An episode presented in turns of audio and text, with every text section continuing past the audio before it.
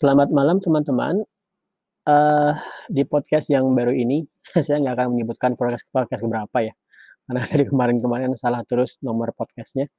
Uh, di podcast yang baru ini, saya pakai tanggal aja, 2020 Desember tanggal 18. Oke.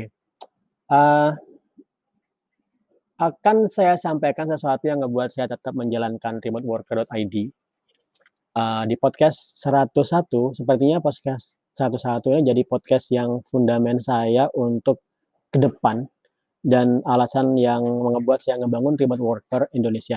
Oke, kalau teman-teman pengen cek podcast 101 itu saya rada curhat tentang alasan mengapa saya membangun remote worker Indonesia.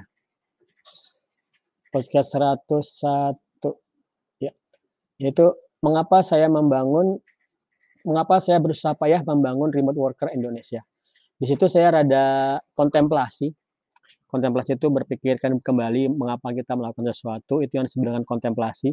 Saya kontemplasi, mengapa sih saya susah payah membangun remote worker Indonesia. Kenapa? Karena dari segi ekonomi, remote worker Indonesia itu uh, consuming ya. uh, secara waktu dia nggak konsum banget. Tapi secara pikiran, ya berarti waktu juga. Secara pikiran, worker Indonesia itu time consuming banget. Kenapa? Karena uh, berbeda dengan membangun pro, membangun program yang kamu hanya berurusan dengan satu klien, mostly satu klien, atau membangun uh, konten yang kamu berarti berurusan dengan konten aja, kamu tidak berurusan dengan manusia. Nah, di remote worker Indonesia, begitu kamu membangun komunitas, itu berarti kamu berurusan dengan begitu banyak manusia. Nah, manusia ini uh, berbeda-beda wataknya ya. Manusia ada yang gampang diatur atau ngeyel diatur atau yang thankful, gampang berterima kasih atau yang rada sulit diajak berterima kasih. Tidak berarti membuat saya ingin mengatakan tidak berarti saya ingin diucapkan terima kasih ya. Tapi kadangkala ada hal-hal yang uh, people management itu yang nggak buat kita ngeles dada atau nggak buat kita aduh sakit hati makan hati katakanlah gitu. Kenapa?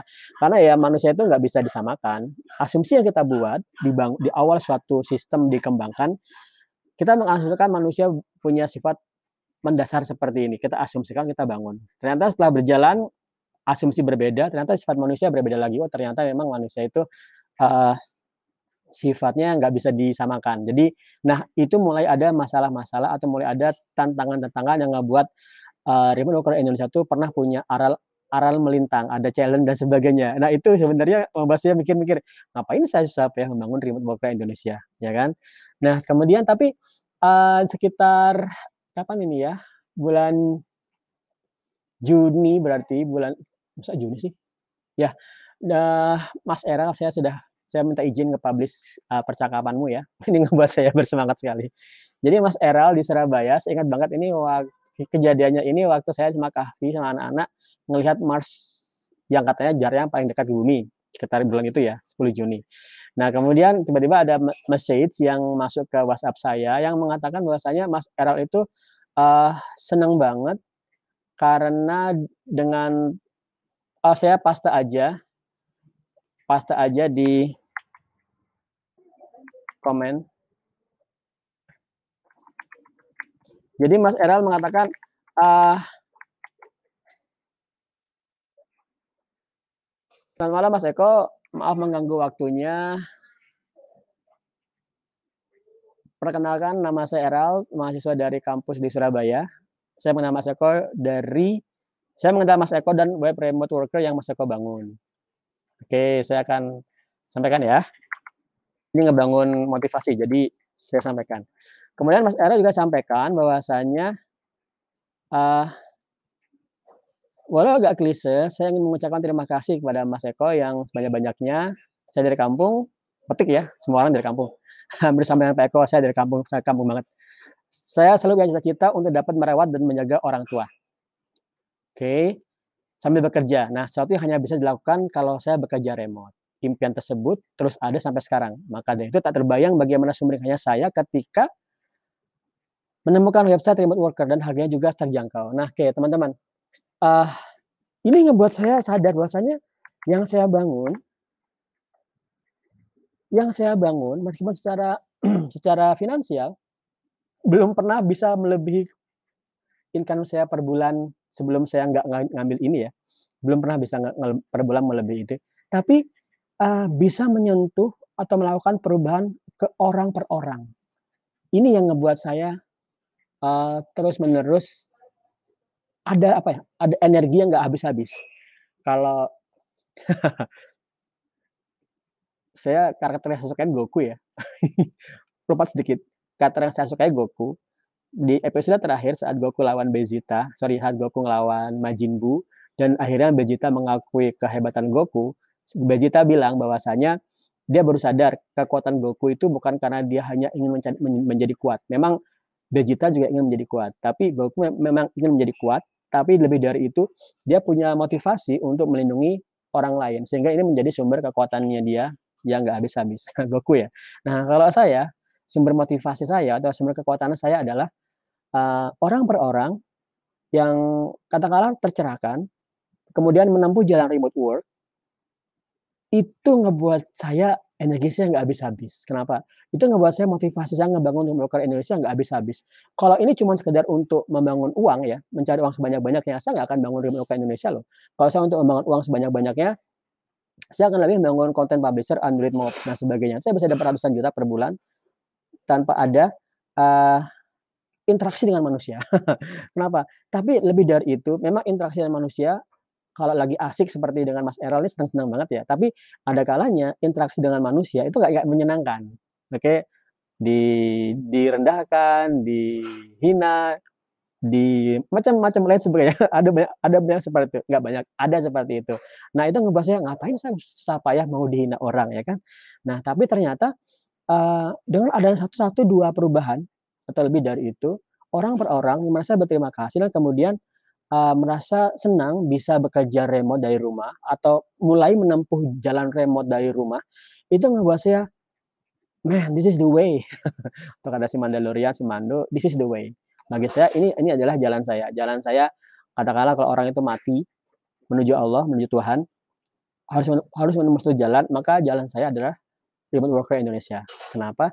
Karena harapan saya, saya benar-benar bisa memberi inspirasi orang per orang untuk, eee mencapai kes kemakmuran ekonomi atau finansial dan juga bisa tetap berbakti dengan orang tuanya di kampungnya, tidak ke Jakarta memenuhi Jakarta, kemudian juga, eee, dekat sudah sudah menikah nanti dekat dengan anak istrinya.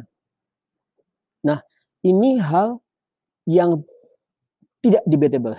Saya tidak akan menerima debat bahwasanya kerja di kantor itu lebih bisa menekan anak istri. Saya tidak bisa melakukan itu. Kenapa? Karena begitu kamu sudah ngantor, apalagi kalau kamu tinggal di Surab tinggal di Bogor, kantormu di Jakarta, waktumu udah terbuang untuk kantor. Probably 90%, 80%, dan waktumu banyak banget terbuang. Nah, ini ngebuat saya terus nge-push kesempurnaan untuk remote worker Indonesia. Tapi saya tahu kesempurnaan ini tidak bisa mudah dijalankan dan tidak bisa, mmm, tidak bisa apa ya, tidak instan tidak instan. Remote worker Indonesia belum setahun belum setahun. Saya tahu tidak tidak bisa instan, tapi, eee, saya tahu sudah ada perubahan yang terjadi dan itu ngebuat saya, eee, right, this is the way. Yaitu ini adalah jalan yang akan saya kerjakan terus untuk, eee, sampai akhir hayat saya, karena dia akan bisa eee, seperti ini. Mas Erel lagi ya. Nah, kemudian Mas Erel mengatakan kemarin atau kemarin lusa atau kemarin kayaknya kemarin ini, yesterday ya. Oh iya, mungkin juga saya kalau boleh sedikit cerita, Pak, per Senin lalu saya sudah menerima diterima menjadi junior backend developer fokus di Django di salah satu software house Surabaya. Nah, kebetulan saya kenal salah satu anggotanya dari grup remote worker Indonesia. Ini guys. Ini secara finansial nggak ada artinya, tidak tidak tidak ternilai loh ya. Oke, kalau kalau secara finansial, oke, Mas Era gabung gabung ke remote Indonesia 1.500.000. Secara finansial nominalnya seperti itu. Tapi, eee, perubahan yang terjadi di Mas Era dan banyak teman-teman yang lainnya, itu adalah perubahan perubahan pola ekonomi. Yaitu kalau ada teman yang misalnya kemarin Mas, saya lupa namanya yang Sura Ja Jakarta Jakarta, dia resign dari kantornya, fokus di rumah. Berarti saya sudah melakukan perubahan ekonomi. Perubahan ekonomi yang orang yang dari menggunakan transportasi untuk kerja 9 to 5, sekarang dia menggunakan transportasi untuk bersenang-senang. Ya. Karena karena tidak perlu lagi kerja 9 to 5, jadi ekonominya berubah. Pola uh, kehidupannya berubah menjadi menggunakan transportasi untuk 9 to 5, sekarang menjadi transportasi untuk leisure dengan keluarga. Berarti selagi secara ekonomi. Kemudian secara uh, psikologi, saya sudah bisa mengubah satu orang dari yang stuck dengan 9 to 5 dengan segala kestresan dan segala tingkat kesulitannya menjadi uh, menjadi kehidupan yang ringan di rumah. Kehidupan di, rumah itu pasti ringan. Tidak akan bisa ringannya tidak akan bisa melebihi kantor. Ini hal-hal yang akan saya pertahankan, akan saya debat. Jadi kalau ada mengatakan kantor lebih ringan, akan saya debat. Atau ada ada mengatakan kehidupan di kantor lebih bahagia, akan saya debat. kalau iya berarti ada masalah dengan keluarga itu yang harus, harus diselesaikan. Nah teman-teman satu lagi, uh, yang terakhir saya akan paste dari Mas Eral.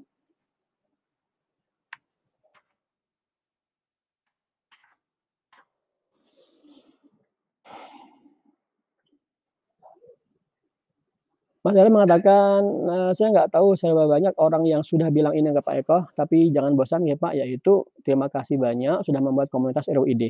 Kalau tidak ada Pak Eko, saya tidak bakal tahu ada yang namanya remote work dan memutar haluan untuk jadi engineer. Semoga sehat selalu ya Pak sekeluarga. Saya banyak dapat doa-doa seperti ini, doa untuk kesehatan keluarga. Alhamdulillah, matur sangat.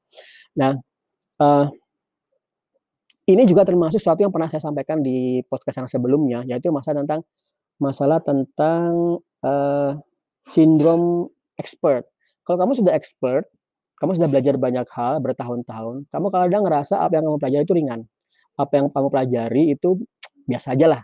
Tapi hati-hati, sesuatu kamu nggak biasa, kalau kamu share ke internet, seperti yang saya lakukan di ROID, itu ternyata bisa sangat membantu banyak orang, membantu orang untuk bisa bahkan merubah hidupnya, ya kan?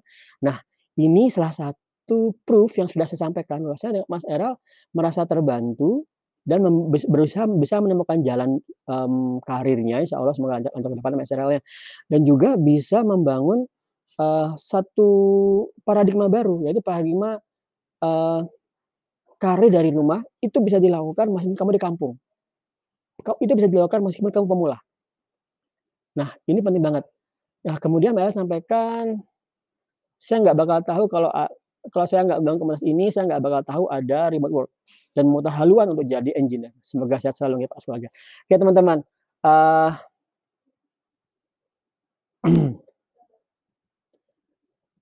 ada banyak, ada beberapa teman-teman yang nggak suka dengan remote work Indonesia. saya tahu. Ada teman-teman yang nggak suka dengan work Indonesia. Um, subjektif atau apa saya nggak tahu lah. Karena saya, nah ini awalnya ngebuat saya Jujur ya kemarin seminggu seminggu kemarin saya udah berpikir untuk membubarkan RWID loh. Saya bubarkan aja deh. Tapi kemarin Mas Eral kenapa saya sampai membuat membuat podcast ini? Karena Mas Eral menguatkan saya, menguatkan saya untuk tetap membangun remote worker Indonesia. Kenapa? Saya benar-benar kemarin ingin membubarkan RWID. Kenapa? Karena repot. Bukan, bukan repot karena saya nggak terlalu tahan sih kalau sampai disakiti, tanda petik ya. Disakiti orang lain. Kalau saya kalau saya disakiti karena saya menyakiti, that's fine. Saya berarti layak mendapat itu. Tapi kalau saya menyakiti disakiti karena sesuatu yang saya rasa, uh, tidak saya lakukan, itu saya sebenarnya rada, ngapain aku repot-repot ya kan. Nah, yaitu yang yang ingin saya sampaikan adalah ini sesi rada curhat ya. Yaitu yang ingin saya sampaikan adalah teman-teman, um yang ingin saya sampaikan adalah, saya akan tetap membangun tim ke Indonesia, meskipun ada banyak kendala, halangan, atau ada beberapa orang yang nggak suka. Saya akan melakukan itu karena apa? Karena saya ingin lagi melihat Mas Eral Mas Eral yang lain, yang nggak cuma di Surabaya, tapi di Pati. Atau tadi saya buat nama kota baru apa gitu, saya lali. Terus mana lah kota-kota lain, cuman kalau yang kota yang rada jauh saya coba ingatnya Pati. Oke.